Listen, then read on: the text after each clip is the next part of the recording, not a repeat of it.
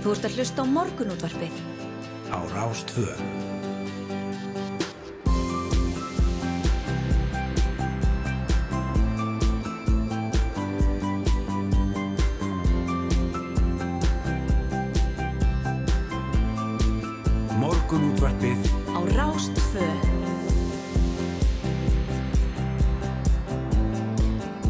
Komiði sæl og blessuð. Morgunútvarpið heldur hér af stað mándaginn 11. apríl.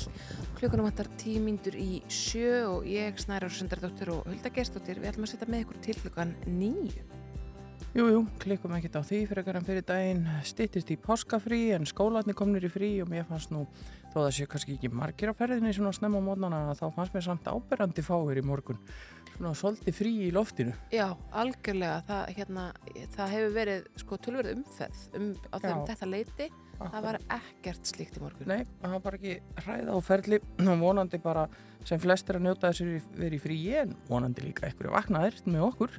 Já, já, og munu tíman tínast í hópin sjálfsagt eftir því sem að líður á. En uh, við höfum eftir að að fara yfir það sem við ætlum að, að gera í dag. Já, emitt Við ætlum venju samkvæmt að fara yfir íþjóttur helgarna með einar erði Jónssoni íþjóttuverðamanni hér í lók þáttar. Svo er það, já, Gus Gus ný íslensk uh, heimildmynd Já, uh, við ætlum að fá hann til okkar hann Stefán Árna, hann er einn af uh, stoppfélugum sveitarinnar og einni kvikmyndagerðamaður og hann ætlar að koma til okkar um hálf nýjuleitið og fara yfir það sem að uh, uh, já, bara á daga sveitarinnar hefur uh, drifið í rúm 25 ár og það er verið að kortleggja þetta á uh, filmu Þannig að við erum að, að býða eftir uh, að sjá hvað kemur út úr því. Hann ætlar að segja okkur meira af því hvernig það gengur fyrir sig og hvernig við getum átt vona á því. Emitt. Félagar í samtökum hernaðaranstæðinga keirðu nú í morgunsarfið eða keira nú í morgunsarfið upp í Kvalfjörð en það stendur til að halda landgöngu æfingu bandariska hersin sem félagsmenn hyggjast mótmæla.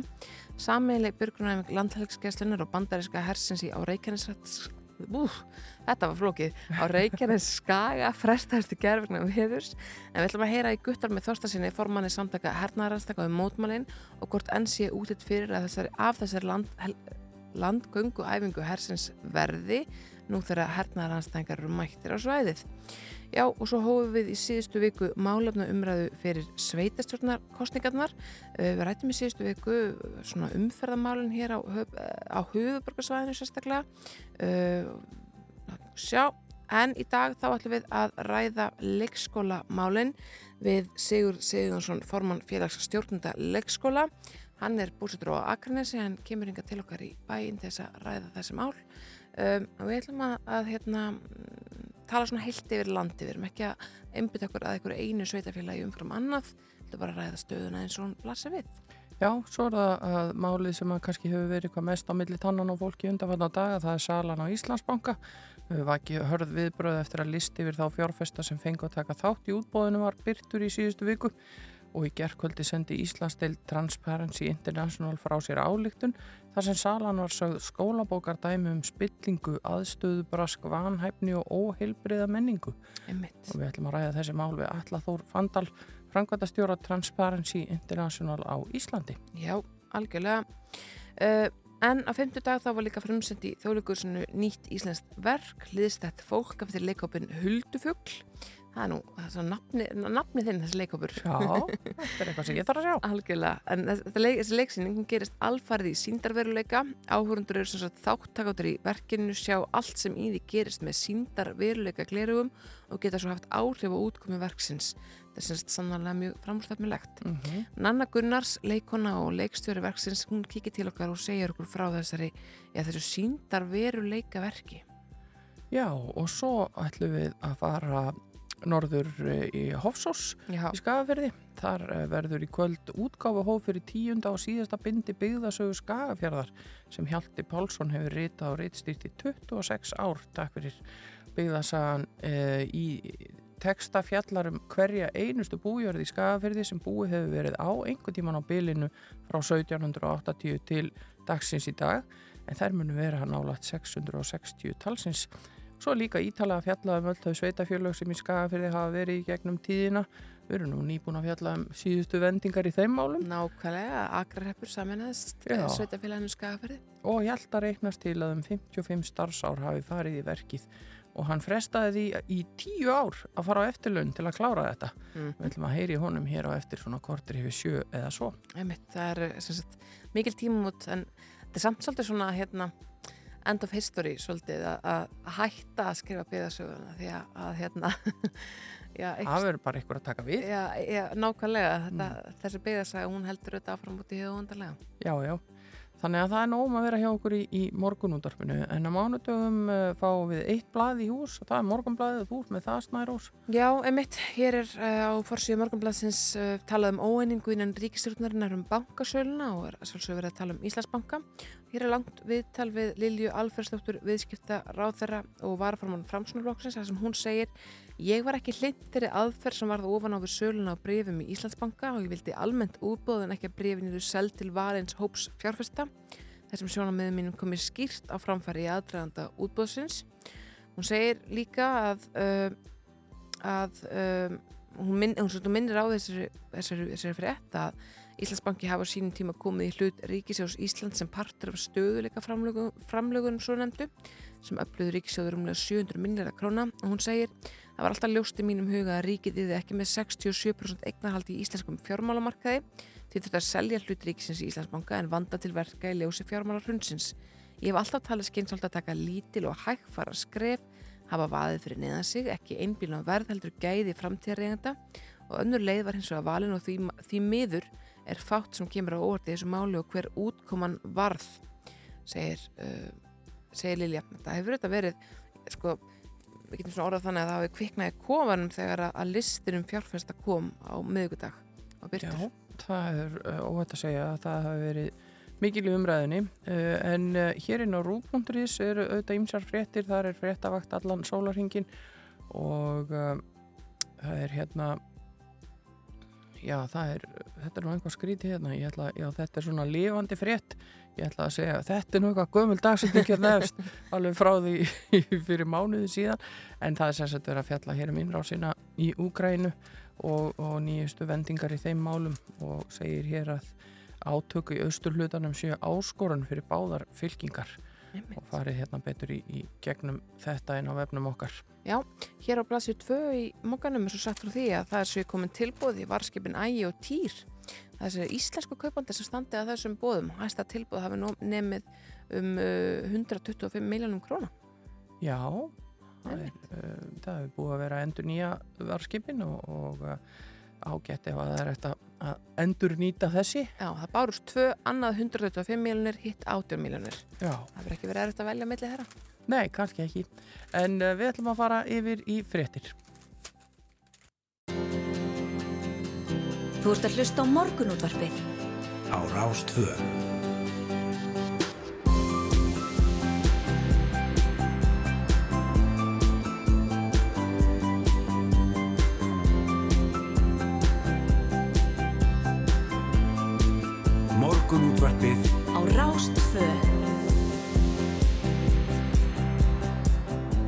Bjóðum góðan dag hér á Rás 2 morgunútarpið hilsar, Hulda Geistóttir og Snærós Sindradóttir með ykkur í dag til klukkan nýju og uh, við fórum nú yfir það hér áðan hvað verður á daskra hjá okkur. Það er ímislegt, við ætlum að heyra af byggðasögu skagafjörðar hér kortur yfir sjö eða svo.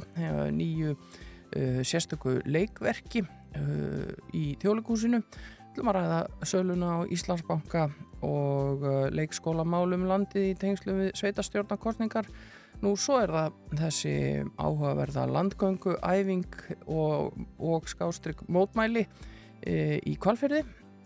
Við ætlum að heyra af Guðskus og þeirra langa á farsalaferli og kíkja síðan aðeins yfir íþróttir helgarinnar. Já, sannlega nógum að vera í þættinum í dag.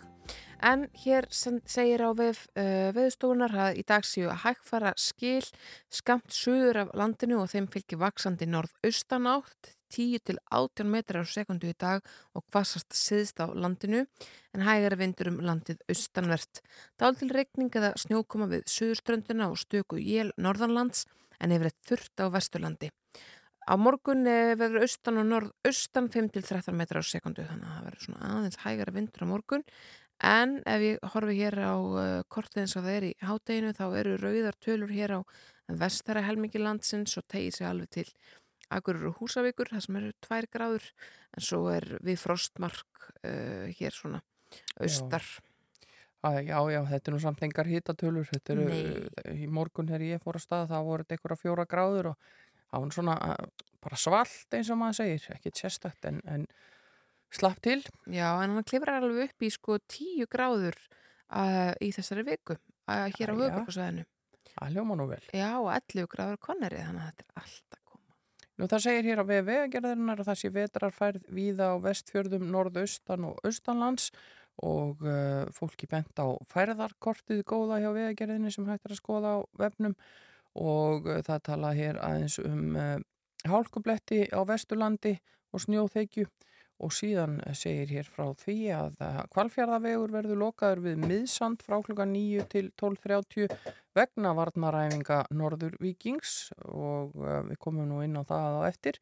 Og svo er það þetta sama og undafarið það er uh, ákveðið ástand vega í Dalabygð og Reykjólasveit það sem unni er að viðgerðum og Borgafjörðabrautin og, og svo er það þæfingsferð á Steingringsfjörðarheiði og Mikladal og lokað um Dinjandis heiði og það er hálkaða hálkublettir á útvegum í Húnavarsíslum en að öðru leiti mestu greiðfært greiðfært uh, á ringvegi 1 um norðausturland en hálkaða hálkublettir á nokkrum öðrum leiðum. Nú fyrir austan er hálka á fjardarheiðinni og eitthvað um hálkubletti með ströndinni en að mestu greiðfært og reyndir á ferði álverði í reyðarfyrði og víðar. Vegfærandi bennir um að hafa það í huga. Og svo verður unnið að þrifum í norðfjörðagöngum næstu daga og vegfærandi bennir um að sína aðgata á meðan og svo snjóþekja í nákvæmni víkur á uh, söður og söðausturlandi en um, ekkert nýtt hér svo sem á að frétta af Suðurlandi þar eru hólur víða og að vísu tala hér um að það sé verið að vinna viðhaldi á Ölfusárbrú í dag og á morgun en það er ekki fyrir í kvöld og uh, þá getur orðið tafir að umferða á, á meðan hafa það í huga. Einmitt. Þetta er nú svona helstu tíðindi af veðri og færð en við ætlum að fara í tónlistina og byrja í huguleg heitum. Þetta er stjórnin og við eigum samleik.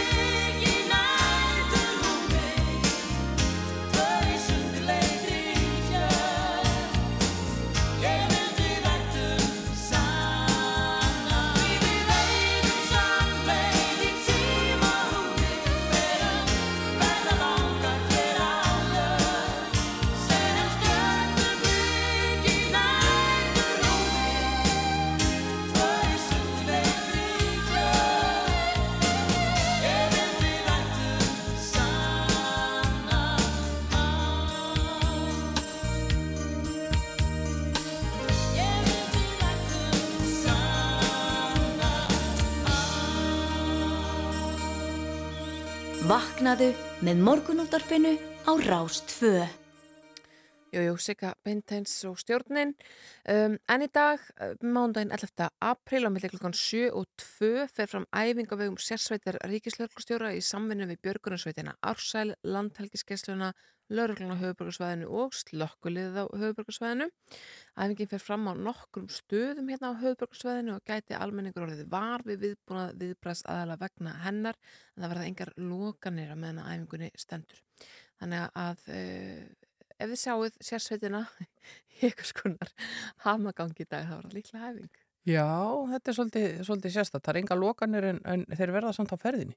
Já. Það, hérna, það er líka bara fínt. Sko á nokkrum stöðum líka. Mm. Þannig að maður getur svona rétt ímynd sér hvernig, hvers konar æfing þetta er. Kannski getur þetta orðið svona leikur í dag, bara spottaði sérsveitina Já, og, og posta því á samfélagsmiðlum.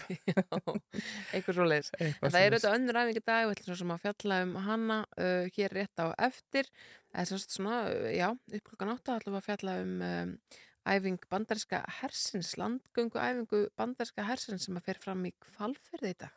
Já, en uh, við ætlum líka að heyra í honum Hjalta Pálsini um uh, þetta mikla uh, verkans uh, um byggðasögu skagafjörðar Nákvæmlega. að hérna, hafa, fáum hann hérna í síman eftir augnablík og á meðan að við náum í hann ætlum að heyri James Taylor og hann er hins vegar með hugan í Carolina ríki í Bandaríkjanum.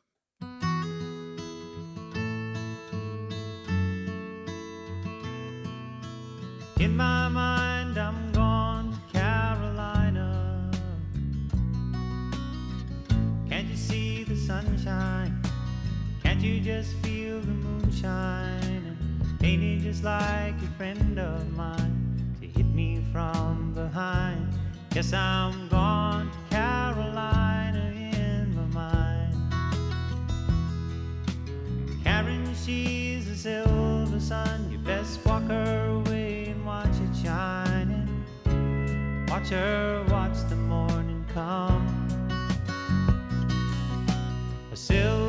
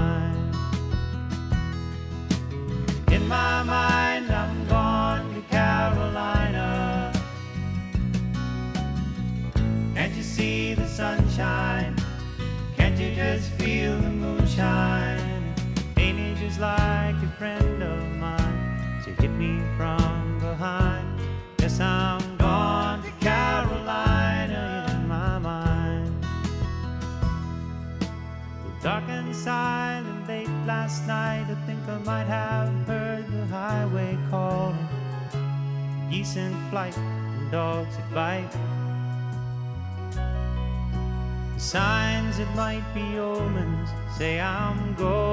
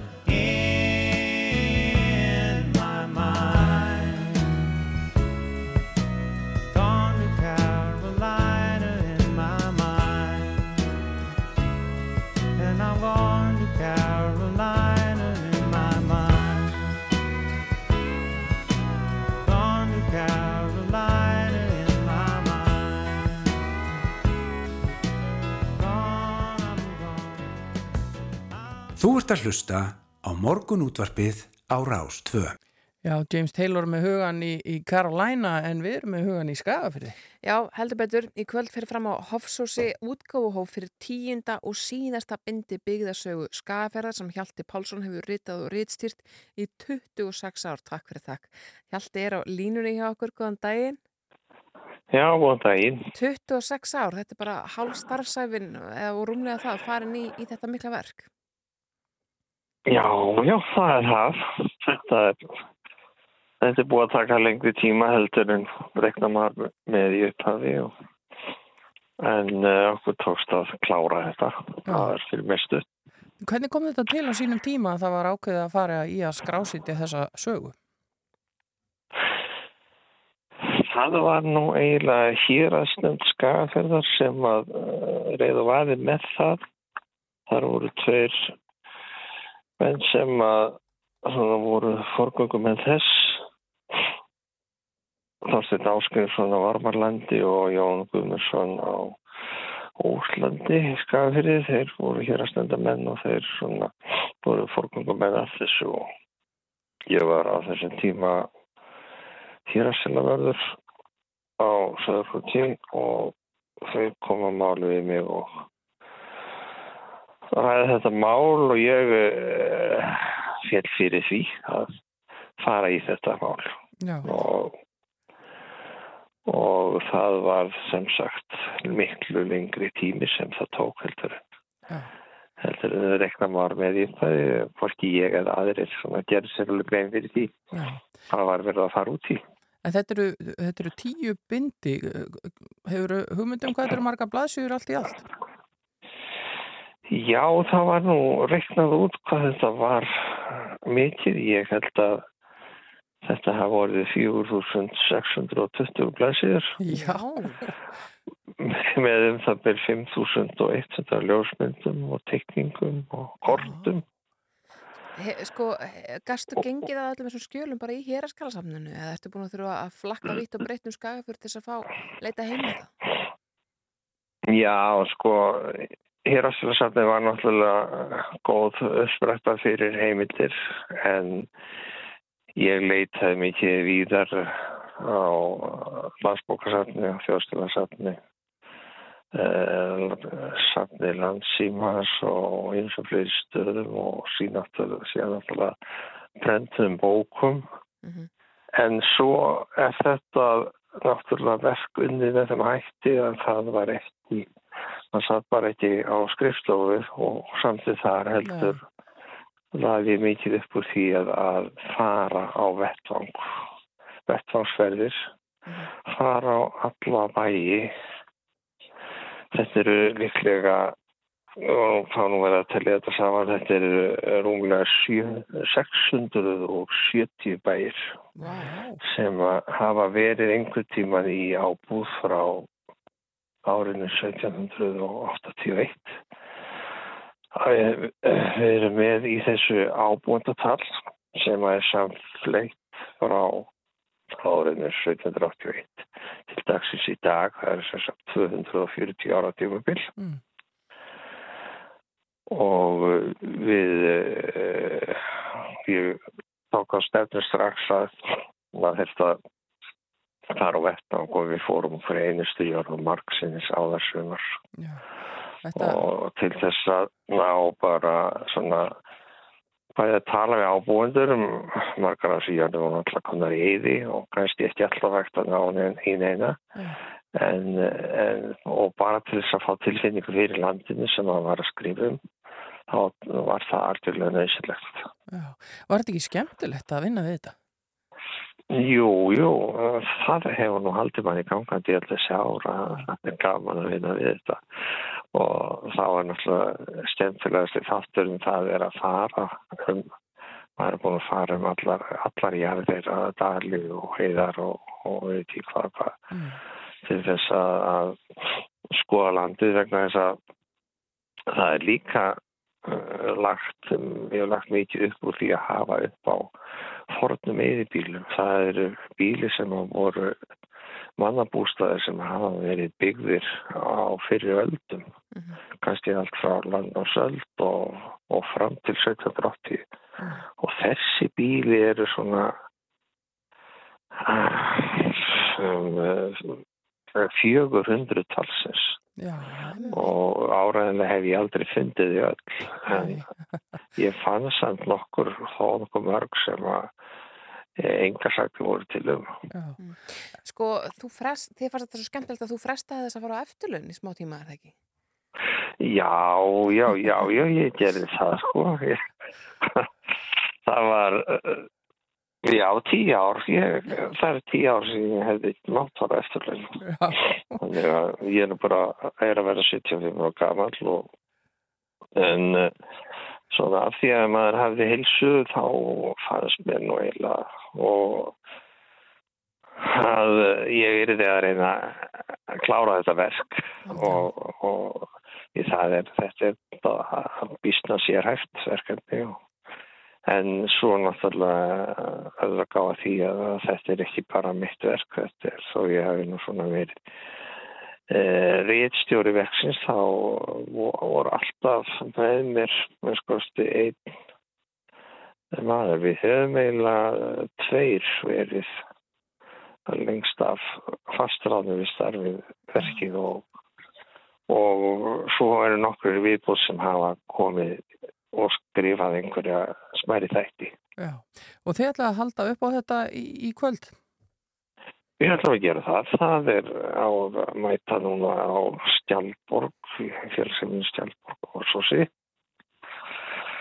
Við erum kvöld og þar ætlum við að koma saman. Það, það fórst nú fyrir næst síðasta búting kom úr fljótonum, hún kom út 2019 og þá gáttum við ekki haldið upp á það því að það gerir vittlistöður og og svo kom COVID og við gáttum ekki farið í þetta í haust eða bókin kom út eða reyndar kom út um áðanvottin nógum desember þá gáttum við ekki aldrei samkomið en nú láttum við verða því já. Gaman að, að því. Já, já, já, það er, það er sjálfsagt að reyna að halda upp á að, að það hefur tekist að ljúka þessu mikla verki. Já, svo sannlega ástæða til þess. Takk fyrir að vera á línunni hjá okkur Hjalti Pálsson og til hamingi með þetta eh, tíunda og síðasta bindi byggðasögu skafjarar og það er útgáfu hóf í kvöld. Eh, Takk hjálpa fyrir að vera á línunni hjá okkur. Já, takk sem leiðis. Bless, bless. Og við hendum okkur í smá skaffiska sveiflu sem að rétt fyrir frétta yfirlit og höldum svo áfram og fjöllum um nýtt íslenskt leikverk hér rétt og eftir. Þetta er Geirmundur Valdursson.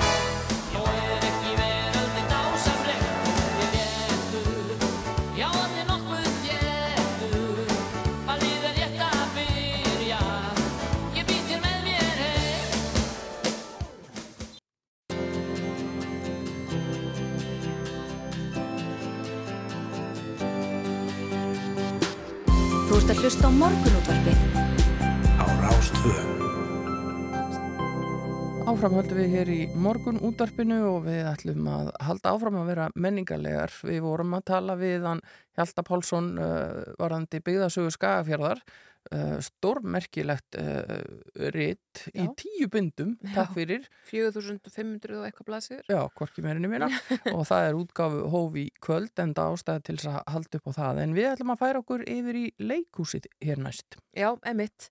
Uh, það er hún Nanna Gunnars, leikona og leikstjóri sem er komininga til okkar. Hún er einn þeirra sem standa að verkinu hlýðstætt fólk eftir leikopin Huldufugl sem var frumsýnd uh, fyrir helgi í þjóðlugursinu uppi á, á Rjári.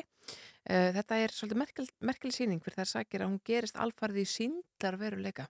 Þú velkomin Anna. Já, takk fyrir að hafa mig. Segð okkur, sko, síndarveruleika leikhús, ég meina, hvort er þetta leikhús eða tölvuleikur? Áhörundu fá svona síndarveruleika gleru, ekki satt? Jú, það er rétt. Þetta er náttúrulega svona nýtt form og kannski ekki alveg búið að staðsýta þetta. Þetta er síndarveru leikhús. Um, við teljum þetta að vera meira leikhús, Mm -hmm. frekar heldur en leik. Við erum með leikara á, á inni á sviðinu eða inni, inni í, í leiknum sjálfum eða leikverkinu sjálfu. Já. Og, uh, en þetta er svona þáttöku leikhús þannig að- fólk áhörundur geta tekið þátt og haft áhrif á framvindu sögunar.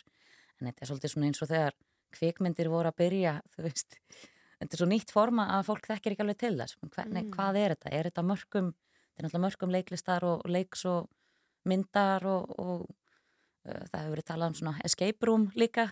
Þannig að, um, já, en, en það er, við vorum með fyrra verk sem við fórum með mikið með á kvikmyndaháttir, uh, kvikmyndaháttir sem að hafa tekið þessum nýja XR, uh, Extended Reality, inn, hafa tekið það upp á sínar herðar, eða upp á sína arma. Já, Og, uh, en, en við höfum líka farið með þetta á leikihátið og núna erum við í þjóðleikúsinu, þannig að þetta er svona, já, þetta er allt í bland já, það er verið að finna, finna þessu svona sinn stað. En sko ef að við, ef að gestirnir sem koma geta haft áhrif á verkið, þá er þetta væntalega aldrei eins í hvert sinn. Nei, það er alveg rétt og þetta er svona leikúsform sem að ég er sérstaklega hrifin af að, að uh, áhörundur hafa eitthvað að segja með verkið og, og ég er mjög hrifin svona þáttöku leikúsi og promenat og, og alls konar svoleiðis, þannig að mér er gaman að gera eitthvað nýtt og auðra áhörundum. Þannig að, að sko, það er ekki, það er ekki margir áhörundur í hvers sinn. Nei, það eru bara fimm Já. í hvert skipti. Það er líka svolítið sérstakt. Já, það er er samt fimmföld stækkun frá hennar fyrraverki, það var bara einn. þannig að- Já, já, þetta, það, það hefur nú valla hérna, verið mjög kostnaðar hagkvæm. Það verið með Nei, leiksýningu fyrir einn. Þetta er ekki mjög kostnaðarhákvæm síning fyrir okkur, þannig að þetta er uh, þess vegna mun meiri upplifun fyrir áhórundan en, það kemur nú ekki mikið í vasan í okkur. Já, en þessi fimm áhorfundur sem mæta, e- er einhvers konar samspil þeirra á milli eða? Já, þau heyra í hvort öðru og heyra í leikara og geta spjalla saman og, og þau heyra nú kannski ekkert endilega alltaf það sama og ekkert alltaf á sama tíma og, og það er einmitt uh, svona gaman fyrir okkur sem erum að stjórna þessu hvað að stýra því, hver, hver heyri hvað og hvenar og, og kannski er einhver sem fer í pásu eða, eða, eða eitthvað slíkt, á þess að gefa mikið upp. En sko, einmitt, aðeins að gefa mikið upp, um hvað fjallar verkið samt?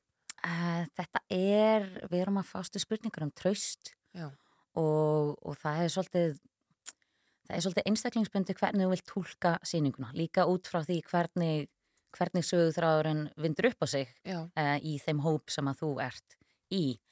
Um, núna er frumsýningar helgina baki og það er búin að vera uh, marga sýningar með mörgum áhórundum og, og mjög ólíkar útkomur. Uh, sumir sem eru að tala um að þetta sem myndlíking fyrir kapitalisma, Mhm. uh, aðri sem að tala um stríðið í, í Úkrænu og upplýsingaflæði, uh, sumir eru bara þetta var geggjað og skemmtlegt og, og þú veist, það er ekkert að spá í einhverjum svona dýpri pælingum, Mhm. þannig að ég læta svolítið svona eftir áhórundum að að gera upp sinn hug Mm. að þeim finnst. Og kannski misand af því að fólk heyrir misandna hluti og jafnvel sér ólíka hluti líka. Já, uh, og við, við erum svolítið að leika okkur með upplýsingaflæðið og mér finnst það svolítið svona skemmtileg pæling.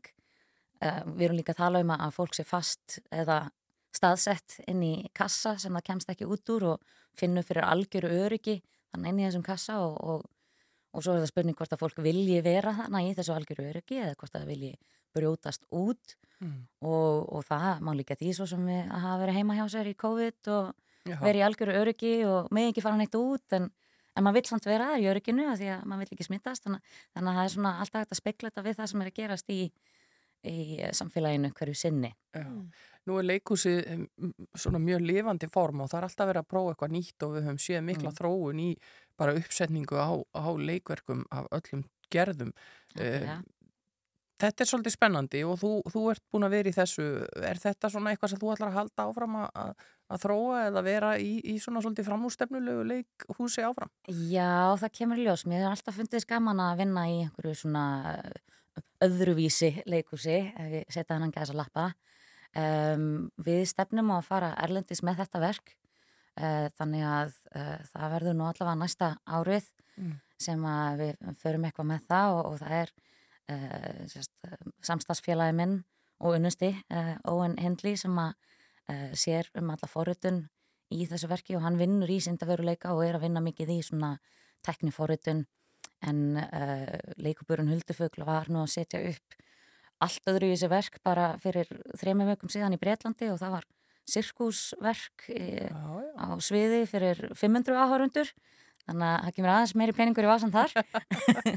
Uh, og þar eru við með lífandi skjávirpun þannig að það er skjávirpun sem að, sem að fylgir uh, verkinu út í gegn. Þannig að við erum svona að leika okkur með mismandi tækni. Það þarf ekki endilega að vera innan, síndaveruleika en, en svona það er alltaf einhverju tækni atriði sem að eru kannski uh, ný af nálinni Já. fylgja okkar verkum Og er ekkert mál að snara þessu verki yfir á ansku? Bara, Það er tilbúið Já. einmitt, uh, það er búið að bæta við núna aukasýningum eftir páska, seldist allt upp á fyrstu sýningarnar, mm tvær sýningar eftir morgun og svo fyrir við í smá frí, en við viljum endilega bæta við kannski tveim, þreim sýningum sérstaklega á ennsku fyrir uh, erlenda gesti eða, eða innflytjendur á, á landinu, það hefur verið smá eftirspurn eftir því. Þannig að það hægt að hafa samband við miðasölu þjóðleikusins og óska eftir því að, að fá Já. sér eitthvað ennsku. Algjörlega, en það er kannski betra að sé sérstaklega tekið fram að það mæti ykkur Íslendingar og, og þurfi, að, þurfi að hlusta á þetta á ennsku. Já, já, já, já, nákvæmlega, einmitt. Spennandi, mjög spennandi. Nanna Gunnars, uh, leikona og leikstjóri, takk kærlega fyrir komuna í morgunúttarpið.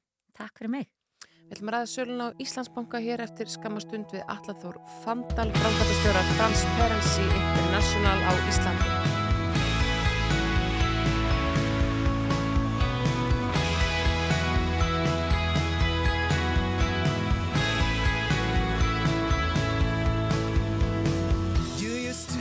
Yourself indoors, wishing for changes. Now you're tired of all the same old chores. It's time to engage this. Turn it up, get out, do what you want. Don't give up or give in. Know what it takes to win. Mm, yeah, you've got it all. So when it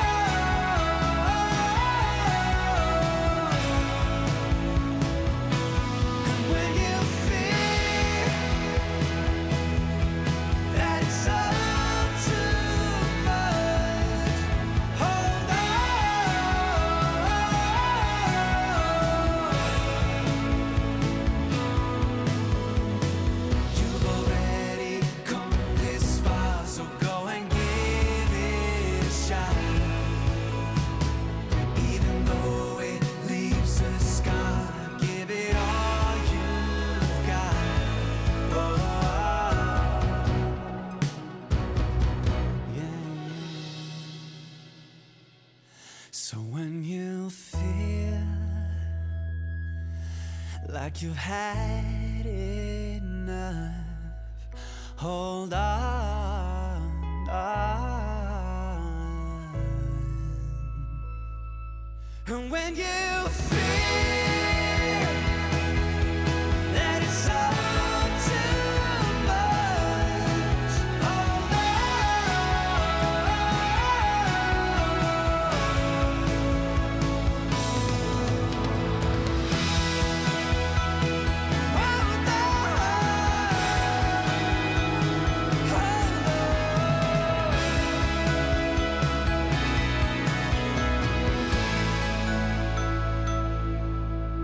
Morgunútvarpið alla virka daga til nýju á Rástfö.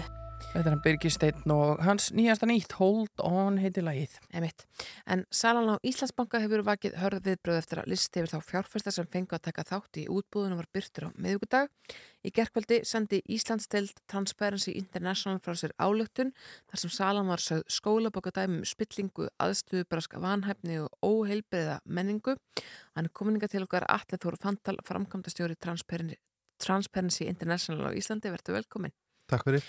Sko, þetta er ansi harð orð álutin sem að þið sendið frá ykkur uh, talað um að, að það útbót hafi ekki staðist uh, rétt með það kröfur um fagleg vinnubröð og svo framvegis og kalla eftir því að uh, já, fjármála ráð þeirra taka ekki þátt í þessum eftirleik uh, segðu okkur aðeins frá ykkar afstöðu í þessum máli og, og kannski af hverju Transperi International sé að áleta um Sölunæslandsbanka Já, við erum auðvitað áleitt um þetta því að þetta er skólabakadæmi um spillingu. Hér er, sagt, er fólk í valdastöðu að uh, handlera með egnir almennings og gerir það mjög illa mm -hmm.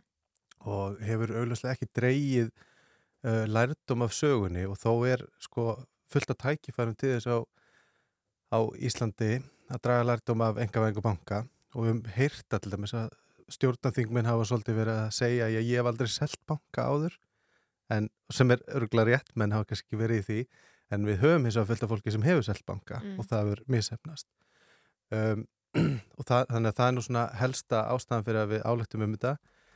Uh, og svo er ég bara búin að gleyma hinni spurningunni, það voru tvær hjá þér. Já, uh, já var þess að hérna bara, ég, ég baði bara um að ræða þetta eins þess að sölu eins og horfur við Já, ykkur í já. Transparency Já, hvers vegna við kannski erum svona afdráttalös í þessu já.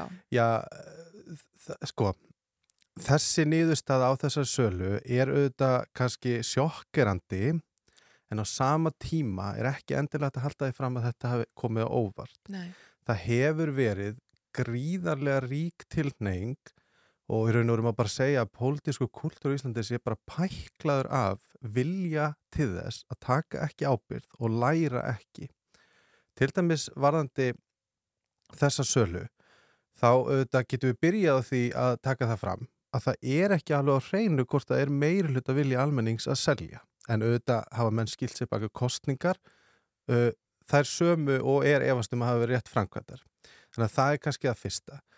Í öðru lagi er til þingsváltan til að um rannsókn á engavæðingu bankana sem var samþygt hérna og bara stungið ofan í sko ekki bara skuffu heldur svartól. Það er bara látið eins og hún sé ekki til. Hún hefur aldrei verið framkvæmt þrátt fyrir ríkan vilja lögjafans. Mm. Svo kemur líka fram í kynningu á þessu útbóði frá bankasíslinni að þessi leið sem er verið að fara sé ekki að fullu samræmi við sko megin kröfu lagana um gagsægi og hérna jamt aðgengi. Uh, það kemur líka fram að stjórnarþingmar og segir, sem er í fjármála nefnd, segir, já, ég er að naga mig í handabökin því að ég spurði ekki rétt að spurninga og greinilega skildi þetta ekki. Mhm. Þá er ekkert að gera ráð fyrir því að almenningur á Íslandi geti skilið þetta. Mm. Þá ertu svo, með svo ofbásla upplýsinga óreiðu í kringum þetta mál að það er ekki réttmætt krafa að semst, fólk sé með á hreinu hvað stendur til. Mm. Svo er sagt að það þurfa að fara í útbóð þess að tryggja sagt, svona stönduga fjárfesta sem geta staði með. Og það er gert uh, og þar kemur í ljós að stöndur fjárfesta sem geta staði með þessu sem eru á Íslandi lífeyrisöðnir þeir fáir ennur ekki að kaupa jafn mikið og þeir vilja, heldur fá að fljóta með aðilar með viðskiptasögu í bankarhunnu fjölskyldu meðlimir fjármálaráðara uh, einstaklingar sem eru tengdir stærsta spillingamáli Íslandi, Íslands á síðari tímum það þarf eiginlega að fara bara aftur í bankarunnið og það er samirimálið og þetta eru upphæðir upp á sko, legsta upphæðin er miljón svona aðila geta bara keft sér á markaði.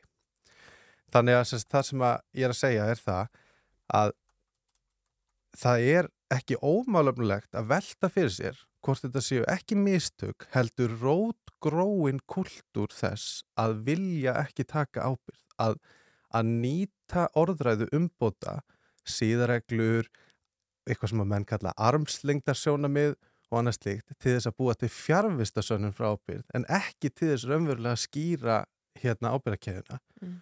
og til að sanna í raun og veru eða sína fram á að það sé málið þá sjáum við að viðbröðin þegar þetta mál kemur allt saman upp og það er augljóst að þetta stendst engar væntingar almennings að þá hlaupa stjórnmálmenn í allar áttir og sérstaklega stjórnar meiri hlutin og lætur eins og Íslands stjórnmál hafi aldrei þurft að takast á við spillingamál áður þannig að þetta sé allt saman bara í óvissu og það sé algjörlega óljóst hvar ábyrða kæðan liggur og fara og þrýsta verulega og velja leið sem að við höfum sönnun, eða við höfum í sögunni að gengur ekki upp og það er að láta ríkisendur skoða þetta Mm.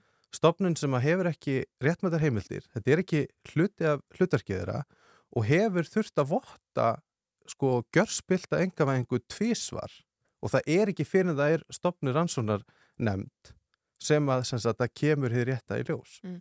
Það var auðvitað stofnur rannsókn nefnd um uh, sölun á búnaðabanka á sínum tíma, hún skilaði niðurstöðum 2017.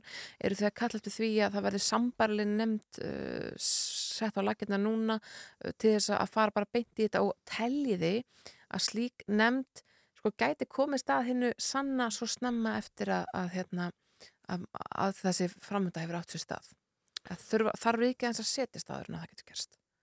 Já, Ríki mun alltaf auðvitað setjast á meðan að vera að setja saman þessa nefnd. Uh, já, sko, það sem við teljum er það að þingið á að taka fórustu í þessu. Það á ekki að vera þannig að framkvæmdavaldið sé að hérna, ákveða hvernig það er ansakað. Uh, og ríkisendurskoðun hefur ekki þar heimildir sem eru nöðsynlegar í þessu og við höfum sannanir fyrir því úr síðustu rannsókn. Mhm. Við hins vegar höfum eins og nefnir mjög vel hefnaða rannsóknarnemnd sem að hérna setti saman svona eh, niðurstöðu sem að lánu í loftinu og hafði reyndar margóft verið bent á en gatt loksins sendt fram á það. Þannig að já, það, það virkar nú eins og það sé réttar leiðin en, Það en fyrst að og fremst búnaðabankars voru fjármögnu gegn aflandsfélag og hefum kaupþings. Já, já, a- erlendi, bankin sem kefti kaupþing var bara alls ekkit erlendur og Nákvæmlega. hérna þa- það var logið eða það var, sérst, menn voru beitti blekkingum. Nákvæmlega. Og- Ták og og það var, það var bara... Já, en forsenda rannsóknina þarf að vera hjá löggjáðunum. Mhm. Það, það er kannski það sem við erum að kalla eftir. Emitt. Emitt. Um, sko, Transperi, Transparency International, eh, hvers konar samtök eru þetta? Hvað, hvaða vikt hafið? Transparency International eru stærstu samtöki heiminu sem berjast gegn spillingu eða hafa það hlutverk og berjast þá fyrir heilendum í stjórnmálum. Stundum er, eru hluti bara vanhefni, ekki spilling, en í þessu tilviki eru við nú svona óvissum að þetta sé bara vanhefni. Uh, Íslandsdeildin er stopnuð hérna 2021, þannig að hérna, hún er til ung en hún byggir á samtökum sem héttu Gagsæi Mm. og voru stopnuð með það í huga að, að, að, að gerast að, að deild innan samtakana. Og þá væntalega vegna þess að þið töldu bara nöðsulegt að gera það. Já, vegna þess að, já, við töldum nöðsöld að gera það og vegna þess að áhyggjuefnið hérna á Íslandi er það að þrátt fyrir ítrekku dæmi um skort á heilendum og þá mál sem að eru bara hrein og klá spilling eins og til dæmis hérna, samari máli í Nambíu og hérna Sæðlabankamálið og engavengubankana að þá er hún mjög rík hérna sérstaklega á stjórnmálum svo tiltrú að spilling sé eitthvað sem að sko mögulega fljóti stundum á okkar strandir en sé aldrei heimatilbúið. Og það er svo ofbáslegur jarðvegur fyrir spillingu. Og það gerir það að verkum að Ísland er dæmi um land sem að er ekkit alltaf upprunaríki en lönd eins og okkar sem að sinna ekki vörnum gegn spillingu, sérstaklega svona í alþjóða samingi, þau viðhalda spillingu í heiminum. Það eru, það er, semst, þau eru nýtt til þess að fara til að mynda og arðræna hérna, þrónaríki. Og vandin hérna á Íslandi er ekki að við séum eitthvað hérna, spiltari en annað fólk en hérna sinnuleysið er, er algjört og ég meina eins og við sjáum til dæmis bara í umræðu, bara svona lítið dæmi við sjáum í umræðu í Silfrinu í gær að þá er aðeli sem að bendir á það að mögulega sé það bara uh, minni hlutanum í hag að bendi ekki áneitt fyrir sko, eftir allt er farið í klúður og þar alveg verði umræða um hluti svo ofsalega pólitísk og þetta er, ef þið hugsa út í það, þá er mjög svona bara, hérna, þetta er mjög mikið nota sem aðferð að öll gaggrinni hljóti að koma frá okkur um annarlegum kvötum að þú vilji bara vinna, þú veist, þú veist, bara ósættu að vera nummið tvö í kapplöpinu en oft er gaggrinni líka bara vegna þess að þú bara genuinely hefur áhuga hluti sem þú gerði vel. Mm. Alli Þór Fandal, uh, frangotastjóri Íslandsdeildar Transparency International takk kærlega fyrir komuna í morgunútvarpiði við ætlum að ræða leikskólamál hér á breyðum grundvöldi eftir skamma stund en fyrst uh, fáum við smátt músík. Já, við ætlum að henda okkur í eins og eitt lag og síðan eru það fréttir auðvitað á slæginu klukkan átta og svo höldum við áfram í morgunútvarpinu. Þetta er einn af þessum stóru smellum uh, undafarna mánuði. Þetta eru Dua Lipa og Elton John og lagið Cold Heart.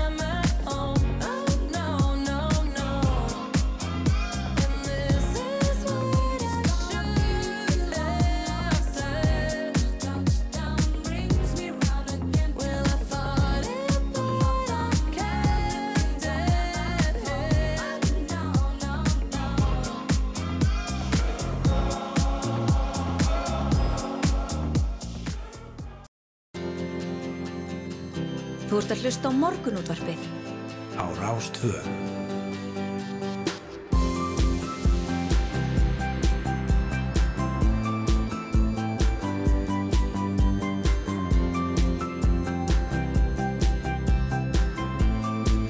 Morgunútvarpið á Rástvö.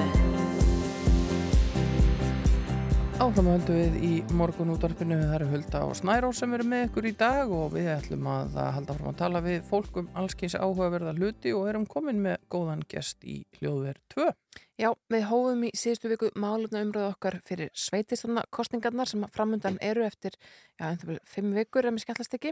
Að þessu sinni þá beinum við sjónum okkar að leikskólamálum um land allt og til þess að ræða þau er kominninga til okkar Sigurður Sigurðansson, formaður félags stjórnenda leikskóla, verður velkomin. Takk fyrir. Sko, við byrjum bara á því sem að, að svona snýr helst að fóraldrinum. Það er einhvern veginn, mann finnst um land allt tala um það að börn kom svo seintin á leikskóla og þetta sé einhvern veginn, já, þetta sé bara í bara í átnum um land allt hvort að fólk komi börnum inn það þurfa, helst að fæða þau í réttu mánuði og, og svo framvegis. Já, já. Hvernig horfir þessi staða við þér? Þetta er hérna umræða, skemmtileg umræða sem kemur alltaf hérna upp í kjölfar eða þetta er aðdraðanda kostninga Mhm. og þegar að pólitíkusar fara að lofa og hérna tala um uh, þetta, einmitt þetta vandamál og kom alltaf yngri og yngri börnum inn þá horfum við sem erum inn í þessu kerfi, leikskóla kerfi, svolítið með þessum kvíða hnút í maga hvað á að gera núna og að belgja kerfið ennþá meira út heldur en það er orðið núna. Það er búið að stækka svo gríðarlega á síðust 20 árum að, að við ráðum valla við þessa stækkun. Það er komað yngri og yngri börnin og þau dvelja lengri og lengri tíma yfir daginn. Mm. Þannig að þetta bara, kerfið verður svo stórt og þetta verður, verður bara óviðræðanlegt að lokum sko, ef það er ekki bara verða það núna. Já, Ó, ok, Þa, þetta eru alveg stór orð, að kerfið hreinlega sé orðið það stórt að það, það megi ekki við því að stækka meira. Það má alls ekki við því að stækka meira og við getum til dæmis sko, dvalatími batna er eitt svo hæðsti hérna á Íslandi svona með við önnur OECD-ríki þannig að við erum á svolítið, við getum kallað þetta slæmusta, þetta er góð þjónusta sem við erum að veita fyrir Mm. foreldra en fyrir okkur sem við erum að reyna að kenna þessum börnum inn í skólunum að þetta, þetta veldur okkur vandraði. Já, en viljið þið þá sjá hvað ennþá stærra einhvers konar samfélagsbreytingu þannig að börnin þurfi ekki að koma svona snemma inn í, í við... og dvelja svona lengi. Já, já, við, við fórum í það verkefni 2019 að stitta vinnuviku fullorðina. Mm. Akkur fyrir við ekki núna í það að stitta vinnuviku badna með stitta dvalartíman. Nún er eiginlega engin kvati í kerfinu til þess að foreldrar ákveða það sjálfur að stitta dvalartíman badnana. Því að hlutfalslegu kostnaður foreldra í við rekstur skólana fer alltaf minkandi. Hann var miklu meiri fyrir 10, 15, 20 árum heldur en hann er í dag. Mm. Þannig að þegar að leikskólað gjöldin eru svona, já, hvað getur maður sagt ódýr, ég veit það ekki en allana, hlutvarslega minna sem kostar fyrir fóröldri í dag en þá, að þá er allt í lagi að kaupa sér 8-9 tíma, það munar ekki nema kannski 2-3 skalli á mánuð og þá hef ég allan að þann tíma upp á að hlaupa ef ég þarf á ánum að halda. Mhm. Og það er það sem skólastjórar hafa séð í sínu rekstri að það er léli nýting á loka klukkutímum uh, á þessum opnunatíma. Það er, kannski opið til fimm að því að það eru börn, börn sem þurfa á því að halda eða eru skráði hérna tíma en nýtingin er ekki góð. Mm. En, en einhvern veginn finnst mann eins og þetta, eins og ég nefndi á hann, sé svona einhvern veginn stærra mál, bara svona samfélagslegt mál. Við vinnum bara svo mikið á Íslandi og, og, og þessu umræðu hefur líka komið upp til dæmis í tengslu við sumafríin þegar leikskólar ákveða að það verður loka þennan mánuðin og, og þá heyrast rættir uh, foreldra sem segja ég get ekkert fengið frí þarna og þetta, þetta það er svo mikil tókstreita þarna á milli. Já, það er kannski grundallar atrið í þessu er að átta sig á því að leikskólinn er fyrsta skólastíð og leikskólinn er skóli. Leikskólinn er mentastofnun og það þarf að reka hann sem slíka. Mm. Síðan er þetta hefur leikskólinn ákveðið þjónustu hlutverk í huga margra og í afnil kennarna líka. Við þurfum að veita þessu fóruðrum þá þjónustu að, að taka móti börnunum þeirra. Við getum ekki gert það bara eh, endalust. Við höfum ekki bara starfsfólk til þess Mm. og það er eitt, eitt af stóru verkefnunum okkar það, á hverju einsta ári, það er að manna leikskólana Já. ná inn starfsfólki fyrir bara til að geta haldið þessu opnu Mm. Hvernig hefur það gengið? Ég meina, nú var það mikið dæmis tengt COVID og svo framvegs. Hvernig hefur gengið að manna uh, leikskólastörf? Ég held það þegar atvinnuleysi fór að aukast að það eyrði auðveldara. Já. en það, það, kannski, það var auðveldara en það var samt vandamál. Mm. það var lengi verið að, að fylla upp í öll stö, allar stöður. En það er, eins og ég sagði það kerfið er bara alltaf að stækka og, og hérna, þá þarf alltaf fleira og fleira starfsfólk. Við erum ekki með okkur vanta leikskólakennar okkur vanta fólk í nám. Það eru mjög margir í nám í dag en það bara kom ákveði gat þarna frá að með minni 2008 að þá hérna hægðist á nýnemum inn í skólana, inn, inn í leikskóla kennaranám en það er að aukast núna verulega en við þurfum bara að gefa ennþá meira í þar Mm. og fjölga nefnum. Nú hafa kjaramálinu þetta oft verið svona stóra málið í umræðum leikskólana og störf leikskólakennara. Um, miðar í rétta átt þar er það þess vegna sem fleiri sæki námið? Sko það hafa verið gerðar ákveðnar svona breytingar síðustu ár og, og til dæmis aukin undirbúinistími kennara þannig að þeir hafa aðeins meira rými til þess að undirbúa sína vinnu. Það er búið að stytta vinnuvikuna en að samanskapi þá e- eru þessi verkefni sem eiga auðvelda eða gera hérna starfsumhverfi kennara betra. Það gerir kannski starfsumhverfi stjórnenda aðeins erfiðar og floknara. Mm. Það, þarf að, að, það, það, kemur ekki, það kemur ekki maður í mann stað þegar einhver fyrir styttingu í vinnuvikunar og ef þeir sem fari lengstu styttinguna það eru fjóru klukkutímar það kemur ekki starfsmaður á móti Já, og þá eru það- Búsluspilið verður gríðarlegt Já. fyrir stjórnandan Og börnin fara auðvitað ekki í neina stýtingu þannig Börnin að það þarf ekki einhver að vera sem við tölum um áðan Já. Hefur, hefur stytting vinnuvíkunar á, á þessu kjörtímbili ekki skila sér sko, til barnana? Það er að segja, er ekki verið að sækja þau fyrir eða skila þeim síðar? Sko núna höfum við ekki alveg tölur, nýlegar tölur um það og, og, og það er eitthvað sem við komum til með að fylgjast vel með. Sveitafélög sem eru fann að ræða það að, að hérna, skerða svolítið eða takmarka uh, tíma sem börn fá. Mhm. uh, hann hefur verið að ég til nær ótakmarka að ringa til þegar þú getur verið með nýju klukkutíma uh, í, í, í dvalatíma fyrir badnið eitt sko og þú ert kannski að vinna bara að meðaltali 7-7,5 tíma á dag en það er ekkit stytningu vinnuvikunar hefur kannski ekkit náða að festa sér sessi hjá öllum í Nei. þessu samfélag okkar. Nei, einmitt. Sko, það er auðvitað sveitastandakostningar framundan og fólk er svona að velta fyrir sig hvað á að kjósa og svo framvegis. Um, ef, að, uh, ef að fólk ætti að kjósa út frá leikskólamálunum, mína, hva- á, það, á það að kjósa flokkin sem að myndi mitt lofa þessu, að loka leikskólanum fyrr eða á það að kjósa flokkin sem segir, "Heyrðu, við viljum að taka öll börn inn frá 12 mánuða aldri um leið og fæðingar og líkur, þá fá öll börn hérna plássa á leikskóla og, og uh, þið getið farið og unnið eins mikið og þið viljið. Hva, hvar á áherslan að vera fyrir fólk sem er að velta þessu fyrir sér? Já, það er einfalt fyrir mig að meta það og segja Já. það. Það er bara sáflokkur eða það fólk sem lofar að bæta þetta kerfi, ekki bæta í það, Já. inn í það, heldur að bæta kerfið Mm. og það sem hérna, fólk mætti sem er í frambóði mætti kannski kynna sér það hvernig lagarammin og reglurammin er í kringum þetta leikskóla umhverfið og það eru mörg sveitafjölu og margir rekstraræðilar sem þurfa að taka til þar því að það er ekki verið að fara eftir settum reglum varðandi fjöldabatnaði rými. Hva, hva, hva, hvernig?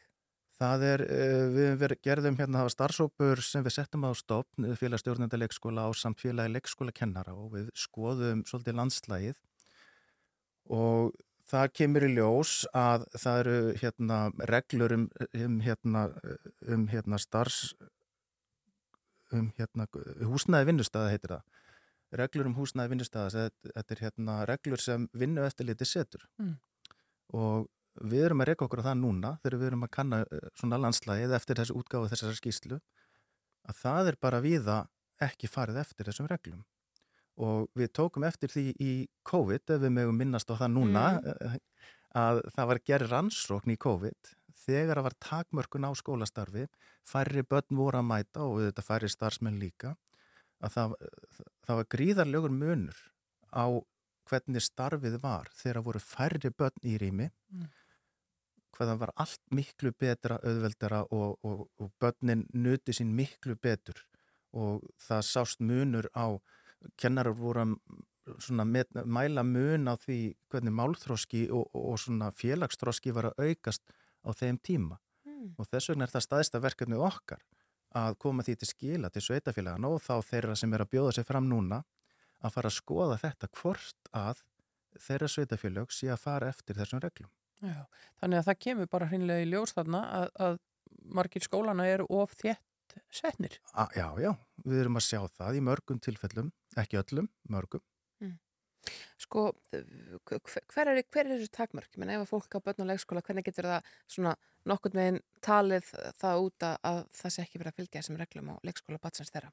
Það er kannski bara að, að fóreldrar geta þá bara spurt stjórnandan um það. Já. Stjórnandin á að vita það og, og það, það, ég held að sé, ég held ég geti sagt það að það séu allir stjórnendur leikskóla núna að ræða þetta við sína rekstrar aðila Mm. Því miður ekki hlustað í öllum tilfellum en þetta er rætt og, og ef að skóla, ekki hlustað á skólastjóra að þá þurfum við bara að fara eitthvað aðra leir, það er að tala við til dæmis við fóreldra Mhm. við þurfum kannski að tala við það er verið að brjóta, ekki bara brjóta á rétti barnana um þeirra hérna rými það er líka verið að brjóta á rétti allra starfsmanna Mm. Mm. Einn spurningi í lokin, uh, við erum að tala um að koma börnum fyrr og fyrr inn í leikskólana, uh, tólmána, gömulbörn, uh, fá pláss uh, strax að loknu fæðingar og lofi. Er það er raunhæft að einsáskamalt barn fari í skóla? Já, já, við höfum alveg hérna, þekkingu til þess að taka á móti þessum börnum og, og sinna þeim að kostkefni. Mm. Við þurfum kannski bara aðeins betra rými og fleiri kennara til þess að það sé vel framkvæmanlegt. Mm. Einhver staðar, hérna, fóreldrar fara að vinna þegar börnin er eh, fæðingarorlofi líkur, það hafi ekki allir þann valumöguleika að vera bara heima áfram. Mm. Þannig að það þarf að gera eitthvað. Leikskólinn er ágætistæki til þess að taka á móti þeim, það þarf bara að styðja og styrkja leikskólan til þess að geti það. Sveitafélagin þurfum kannski að taka þátt í því að menta fleiri leikskólakennara, gefa þeim tækifara á að fara í nám með vinnu eða styrkja þá til þess að fara í námið. Og síðan það ríki líka koma þarna að, það þarf að bæta verulega í varðandi háskólan, háskólan Akureyri og Há- háskóla Íslands að þeir geta tekið á móti fleiri nefnum. Til Mm. þess að taka á móti fleiri nefnum þarftu þetta aukið fjármagn inn í háskólan. Sigur Sigjónsson, formaður félags stjórnanda leikskóla, takk kærlega fyrir komuna í morgunúttarpið.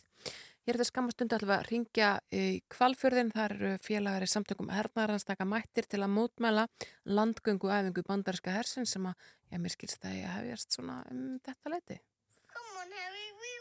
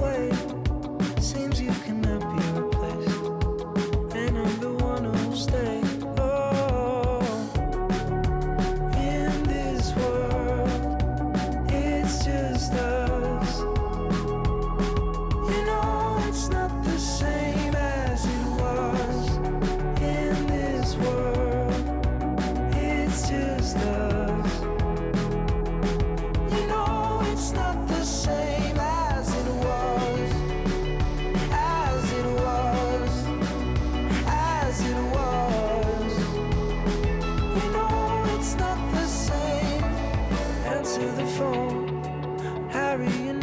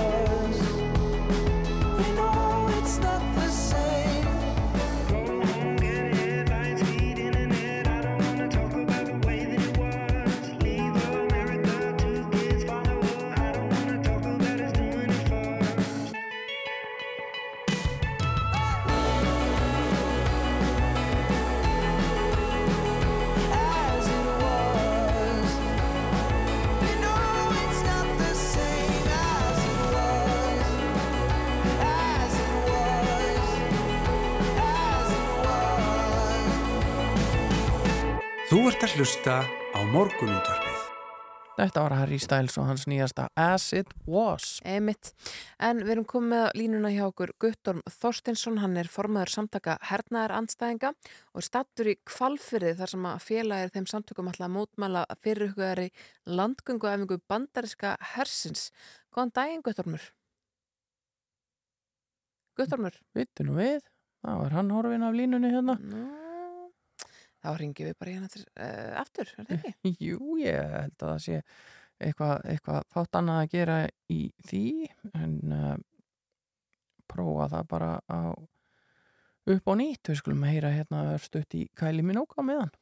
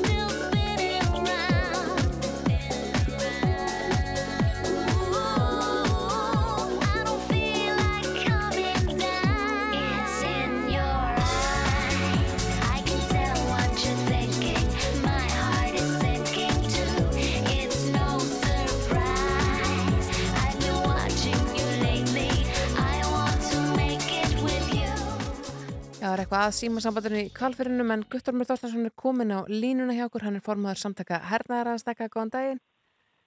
Daginn. Þeir eru stött í kvalfyrði til þess að mótmæla fyrir hugaðri landgönguæfingu bandarska hersins ekki satt. Já, svona ef að þeir láta sjá sig, þeir hafa nú, hérna, hefum gengið svolítið illa að mæta á æfingar undarfarið, þannig að við erum svona bara í, í svona búin að skipleggja svona páska fjöruferð og, og, og sjáum til hvort að þeir verði, hérna, verði á vegi okkar. Já, eru þið mörg mætt? Já, við erum nú bara nokkur svona, á nokkrum bílum, svona cirka tíu, en við erum reyndar ennþá á leiðinni, sko, ég stoppaði bara hérna í kvalfyrðinum og er svona aðeins að skíma hvort ég sjá eitthvað, en, en hérna, svo fylgi ég humátt eftir hinnum. Einmitt. Sko, landgönguæfing bandarska hersins í kvalfyrði, þetta hljómar eitthvað pínliti kaldastríslegt, hérna, er, er þetta venjana? Bandarski herin æfi landgöngu á Íslandi? Já, nei, ég hef nú ekki gert það í minni formanstíð en þeir voru náttúrulega í Þjórsárdal fyrir nokkrum árum síðan og, og, og þá hérna mættu við, mættu við líka akkurat í, í svona hérna vorferð á sama tíma af, af svipari tilviljun. Og svo ætt, ættu þeir náttúrulega vera að æfa hérna landgöngu líka á síðustu svona æfingu en, en hérna á Reykjanesi en, en þá var svo vond veður að þeir komast ekki heldur þá þannig að En, það er nú frekar svona stilt núna, þannig að allir, allir láti ekki sjá sér núna. Já, en þessi samtök, samtök hernaðar anstæðinga, eru þetta fjölmenn samtök? Jú, við erum nú frekar fjölmenn, við erum svona eh, 1200 manns borgandi, þannig að, að, að þetta er, hérna, þetta er ágættis félagskapur. Mm. Og, og ykkar markmið er þá bara, þið eru bara alfarið á móti öllum hernaði eða?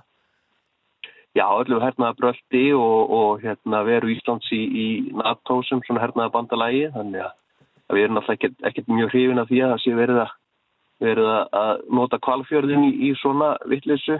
Nei, en sko við hverju má bandarski herin búast ef hann mætir hérna á svæðið svona, já, hvað og hverju, eh, hérna hver, hver, hver, með hvað aðferður verður beitt í þessari fjöruferði ykkar?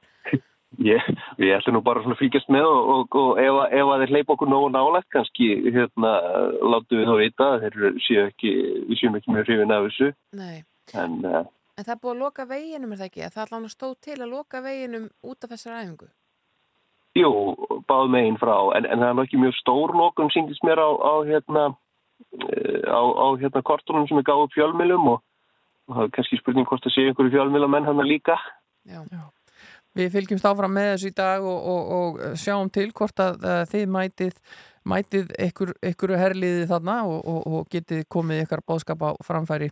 Takk fyrir að vera á línunni hjá okkur uh, Guttormur Þorsteinsson, formaður samtaka hernaðar andstæðinga. Takk fyrir. Þetta er svona með meiri spennandi fjörufermi sem var að heyrst Já, það er eins og það er. Ég er náttúrulega alveg upp í Keflavík og þar var nú mikið sport að lauma sér inn um göt á gýrðingunni og sjá hvort að maður myndi nú ekki mæta hermanni með byssu um öxlina. Já. Já, það var svolítið hasar í því. Já, en þeir voru nú óskup vinnalegir. Uh, við ætlum að fara í stöðt frétta yfirlit og svo er það Guskus sem er næsta mál á dasgrá.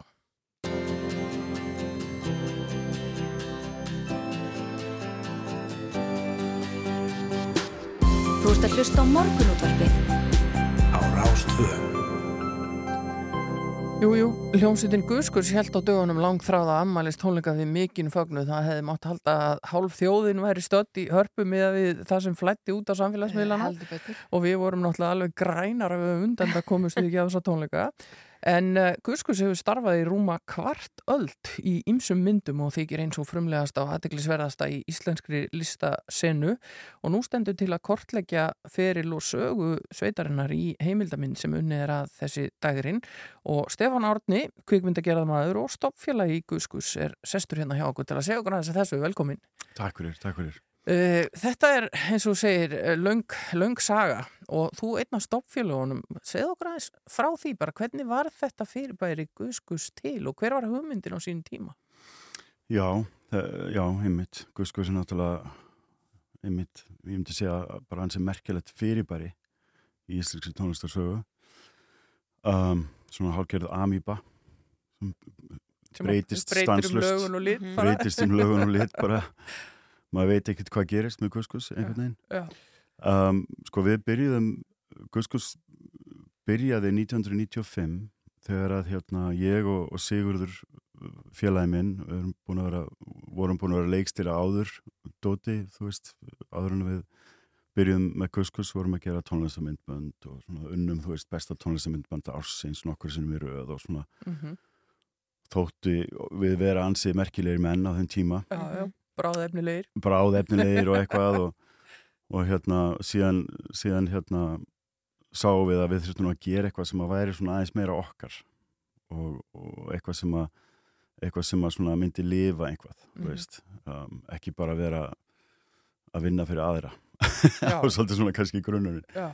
en hérna þannig að við ákvæðum að gera stuttmynd og þetta var sumarið já þetta var í rauninni í byrjun árs hérna 95 held ég að það hafi verið. Ákveðum að gera stuttmynd, skrifum handrit og drögum til okkar alls konar fólk til að vinna í þessari stuttmynd. Og við náttúrulega vorum búin að vinna með uh, Magga Jóns, um, við vorum búin að vinna með veist, áður í vídjói með hérna, Jet Black Joe. Og, og Daniel og, og Siggi voru vinir úr, úr mentaskóla Mm. og, og síðan ákveðum við svona að uh, setjast niður og, og hérna gera bara tónlist líka sem að, en hugmyndin var alltaf að gera tónlist sem gæti staðið sem sko bara staðið sér Já. en væri síðan líka notuð í þessa mynd Mm. og hérna ringdum í, í bygga veiru sem var æsku vinnu minn og hérna og þannig svona svolítið vattið upp á sig og, og hérna, ég myndi nú að segja kannski að svona svona upphaflega svona tónlistarsýnin hafi komið mitt frá uh, frá Daniel mjög mikið og Sigga og, og þannig fengum við veist, hinna svolítið inn sko. Og, og síðan voru allir með einhver lög og náttúrulega allir rosalega hæfileikaríkir einstaklingar á, á, á, á sínu sviði.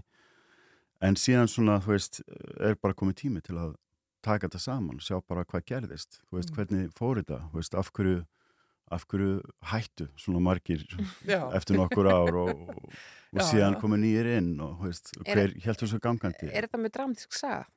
að sjálfsögur er þetta dramatísk Já. saga, þetta er mannleg saga við getum þá eiginlega sagt að þið séu svona loka hringnum, þið byrjið á að gera stuttmyndina og nú ætlið að gera heimildamynd um þetta ferli allt í þessi 25 pluss ár. já, já ég held að það sé bara já, það er, það er satt sko, málið er það að svona í gegnum tíðina sko, svona mín, mín saga kannski í þessu er einmitt svo að sko ég við, við erum í bandinu síðan sko 2001 að þá bara ákveði ég að segja þetta gott, það var bara komið gott Mm.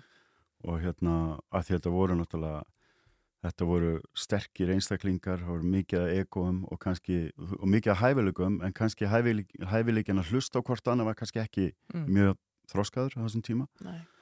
En, hérna, en ég sagði þetta gott. Og síðan fluttu við til Ameríku við Siggi og heldum svona okkar ferli bara áfram þar sem í kveikmyndagerð og maður bara talaði ekki við neitt í Guskus, bara í 15 ár eða eitthvað.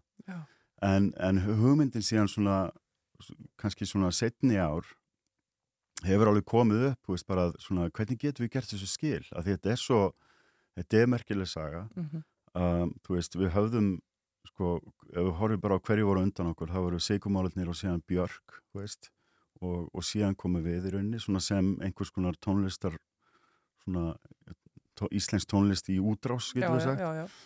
þannig að þetta var hans merkilegt merkilegu tími og hérna já, og, og, og bara tími til að gera svo, gera svo góð skil Já. Er allir, fyrir, er allir til í að vera með? Eh, Ég menna, sumir fóru óhressir út úr verkefninu en ætla allir að vera með í myndinu og tjá sig. Já, það, það ætti allir að vera með, já. Og hérna, og, og ég held sko að því að sko málið er það að það náttúrulega, það, saga allra skiptir máli. Mm. Og hérna, og sko, bara eins og við þekkjum á okkar lífi, þú veist, að, að sko maður hefur eitthvað, eitt, eitthvað sjónarhótt, þú veist, og, og einhvern svona, einhverju upplifun á hvað gerðist, skilur við. En, en síðan ertu með einhvern annan sko, sem bara lappar nánast við hliðina þér og bara upplega eitthvað allt annað. Þannig að allir verða að fá að segja sína sögu. Já, Þetta er þetta mikil fjöldi fólk sem er Högni Egilson hefur sungið með Guskus, Haftis Huld, Urður Hákonadóttir og svo framvegis. Já. Uh, þannig að ekki, það verður pláss fyrir allt þetta fólk til þess að, að svona, gefa sína sín. Algjörlega, algjörlega. Og, og ég myndi segja, sko, einmitt, við erum að tala um hérna, sko, það eru, það er, sko, einmitt, það eru, það eru sigrar og það eru svik og það er hryggbrott og, og síðan vonandi fyrir getting í lokin. Þetta hljómar nákvæmlega eins og maður vil hafa í góðri sögu. Já, bara góð það er nákvæmlega Nákvæmlega. þannig. En, en uh, er til mikið myndefni frá öllum þessum tíma? Eh, hafa svona margt af eldra efni til að setja með í þetta? Já, já, við erum náttúrulega búin að vera svolítið að- grafa upp og sjá hvað er til og það Mm. er til að sjálfsögðu mikið að ljósmyndum, það er til uh, tölvert af, af tónleika upptökum og, skemmtilegum þannig upptökum Mhm. og hérna, já, það er það er ímislegt sko sem að hefur ekki byrst Já. eða kannski ekki allavega sérst í langan tíma Já. En uh, þið ætlaði að gefa almenningi tækifæri á að vera með í þessu verkefni? Já, einmitt, við erum náttúrulega bara í, á fullu bara að, að í rauninni svona að, að fjármagna og skipulegja verkefnið og, og kvikmyndasjóður tekur þátt í þessu Mhm. Sem betur fer, þannig að, þannig að það er bara rosalega flott og gerir þetta svona að alvöru, þetta verður náttúrulega alvöru mynd Já. og við stefnum á að, að þetta sé mynd sem ekki, hafði ekki bara til Íslendinga, heldur bara alla sem að, sem að elska tónlist og mannlega hegðun, getur við sagt. En, hérna, en við erum að sapna núna, það er svona vantar bara, vantar bara aðeins upp á og við erum með sapnun á Karolina Fund. Þannig að fólk getur farið þar inn og, og, og hérna, já, bara hjálpað okkur. Við erum með alls konar pakka þar og við getum fengið nafnið þetta á kreditlistan. Hver vill ekki vera þar í Nákvæmlega. guðskuðsmyndinni? Allavega örgla allir þeir sem voru í hörpum daginn að missa sig, það var alveg geggjað stuð. Þannig að fólk bara fer þar inn auðvitað, það er allskins áhugaverð verkefni alltaf í gangi þannig á Karolína Fönd og, og, og fólk getur fundið upplýsingar um þetta þar. Já, bara leita að, sko, já, og myndin heitir Impossible Band. Já, en, enski, gott nafn. á ensku, titillin á ensku, eins og þannig var lagt upp með, með Guskus, þú veist, það deilið bara á ensku. Já. Við ætlaðum bara til útlanda. Já, mega Sigra heiminn. ekki Mega. spurning. Og þið haldið áfram að gera það, verður gaman að fylgjast með þessu. Er ykkur áætlaður frumsýningatími á myndinni? Sko, við erum að, við erum að, við erum að horfa á svona uh, mars á næsta ári. Já. Þannig að heilt ár.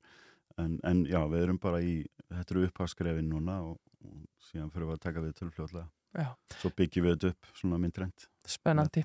Stefán Árni, kvikmyndagerðamaður og stopfélag í Guðskus. Takk fyrir að kíkja við hjá okkur. Spennandi verkefni í pípunum að að skrásetja þessa skemmtilegu sögu. Takk kærlega. Og við vöðum að sjálfsögðu í Guðskus Já. og ég ætla að lefa mér að segja að þetta sé besta ræktarlag í sögunni. Klikkar aldrei.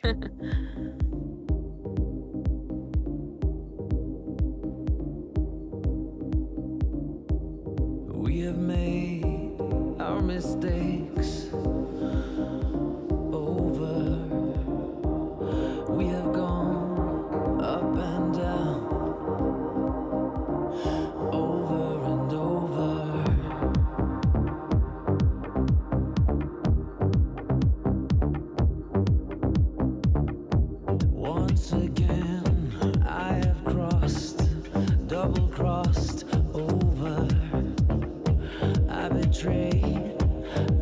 trust,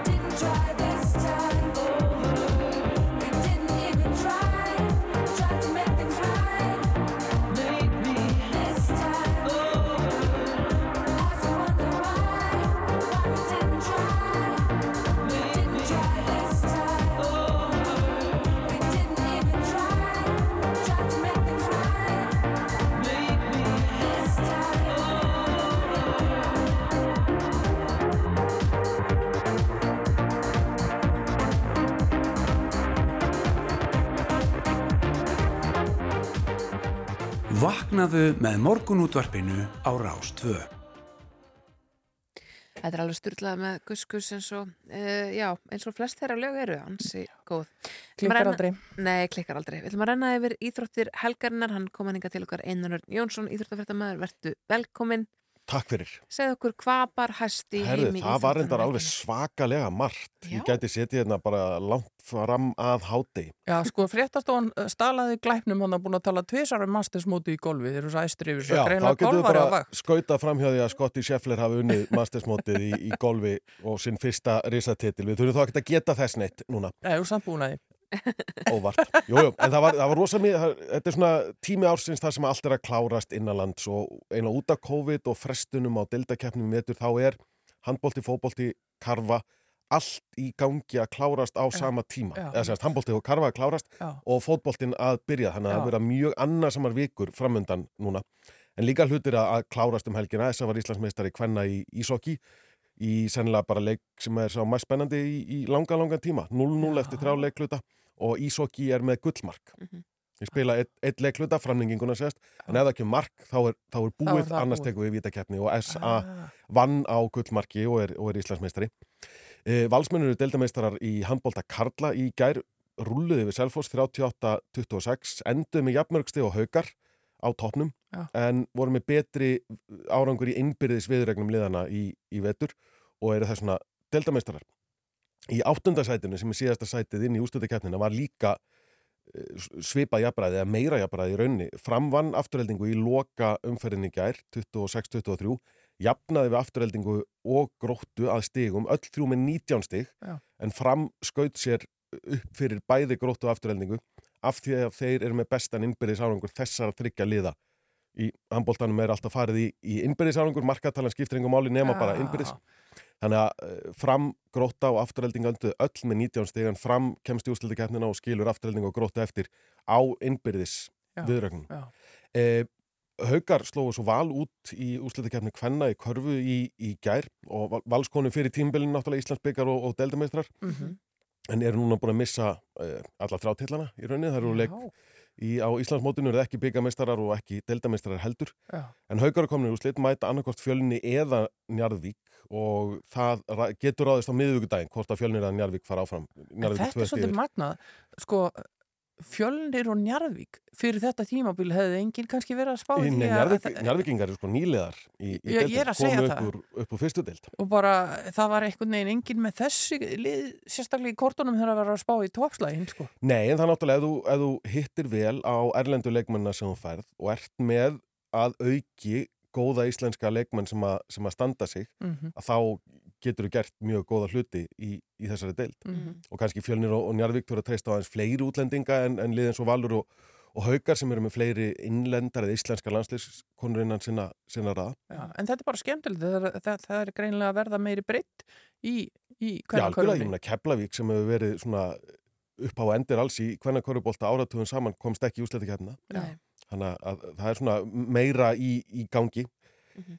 eh, Svo skulum við bara aðeins spá í hvað er, hvað er framöndan af því að kvennalandsliðið í fótbolta er að spila alveg brjálaðislega mikilvægan leik Já. á morgun á móti Já. Tjekklandi úti í Tjekklandi Og- þær hérna heima síðast Unnuðar hérna heima, unnuðar úti á Sípu lífsmótinu í Bandaríkjónum í februar Er þetta leikurinn sem er uppseldur? Nei. nei, nei, Nei. Það er, Það, er, það eru Það er það er, Ah, það er ok. Evróp- EM-leikinni sem eru, eru í sumar af því að EM var fresta þá eru við rauninni komin mjög langt í undankeppni HM áður en það kemur að, að EM Já. en það var nú út af, út af dolli en þetta tjekkneska lið er talsveit betra en 4-0 sigur okkar á þeim hérna síðastlið haust segir til um. Þær eru búin að spila við Holland tvisvar og gera jafntefli í báðum leikim Já. Holland eru Evrópumeistarar og Silvulið HM Mhm. Og eru núna í efstasæti okkar riðils en ef við vinnum Tjekkland á morgun þá kemst Ísland í efstasæti riðilsins þegar tveir leikir eru eftir Já. og annar þeirra leikja er þá leikur við Holland, úti í Hollandi næsta, næsta haust. Já. En ef við erum í efstasætinu þá nægir okkur jafntefli að því gefna við klárum Hvítarúsland áður en að kemur að þessum Hollandsleik. Já, já, já. Þannig að það er rosalega mikilvægt að vinna þennan leik á morgun til að koma okkur í betri stöðu fyrir þessar tvo leiki í, eftir í eru. haust. Skiptir markatalan einhverju máli? Bara 1-0 nóg eða eða hvernig er það? Já, markatalan ef að lið enda jöfn skiptir máli en ef við komumst upp fyrir Holland núna þá getum við ekki endað jöfn nema náttúrulega við klúðurum einhverjum þessum kvítarúslandsleik á, á og þetta undan. er þannig að, að liðið sem vinnur riðilinn, það fer beint áfram en liðið í öðru seti þarf að fara í umspil Það, aftur, nú bara, ég þyrfti annan hálftíma til að fara yfir þetta blessa.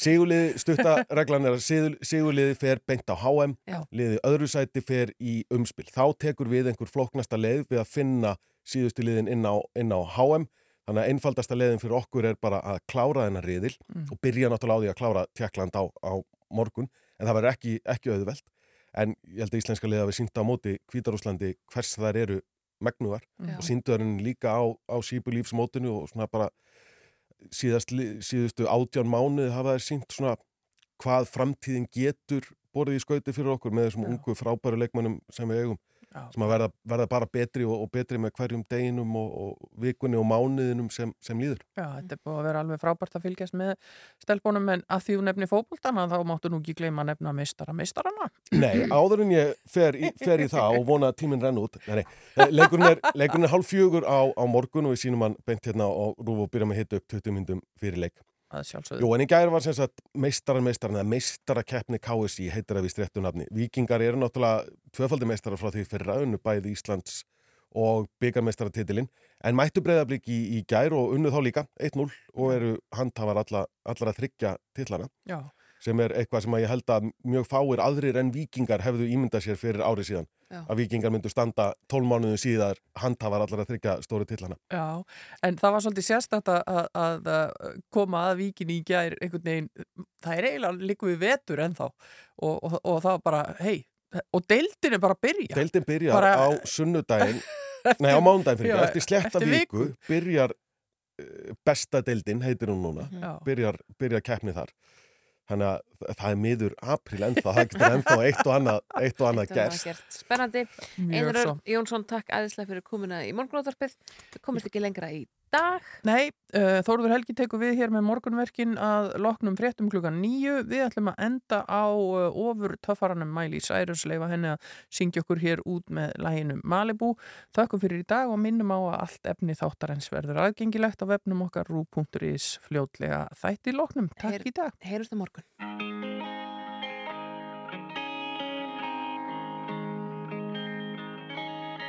I never came to the beach. I stood by the ocean. I never sat by the shore under the sun with my feet in the sand, but you brought me here. And I'm happy that you did. Cause now I'm as free as birds catching the wind. I always thought I would sink, so I never swam. I never went boating, don't get how they are floating. And sometimes I get so scared of what I can't understand. But here I am, next to you. The sky is more blue in Malibu.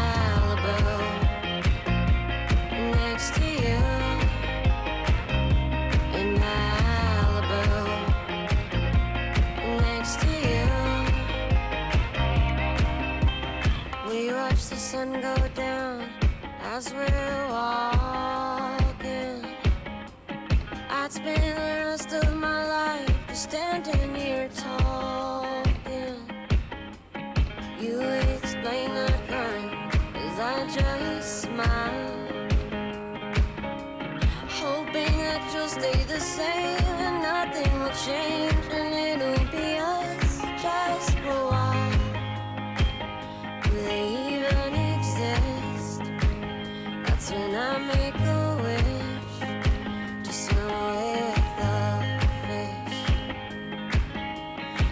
supposed to be this high all summer long? I never would have believed you if three years ago you told me I'd be here writing this song. But here I am, next to you. The sky is so blue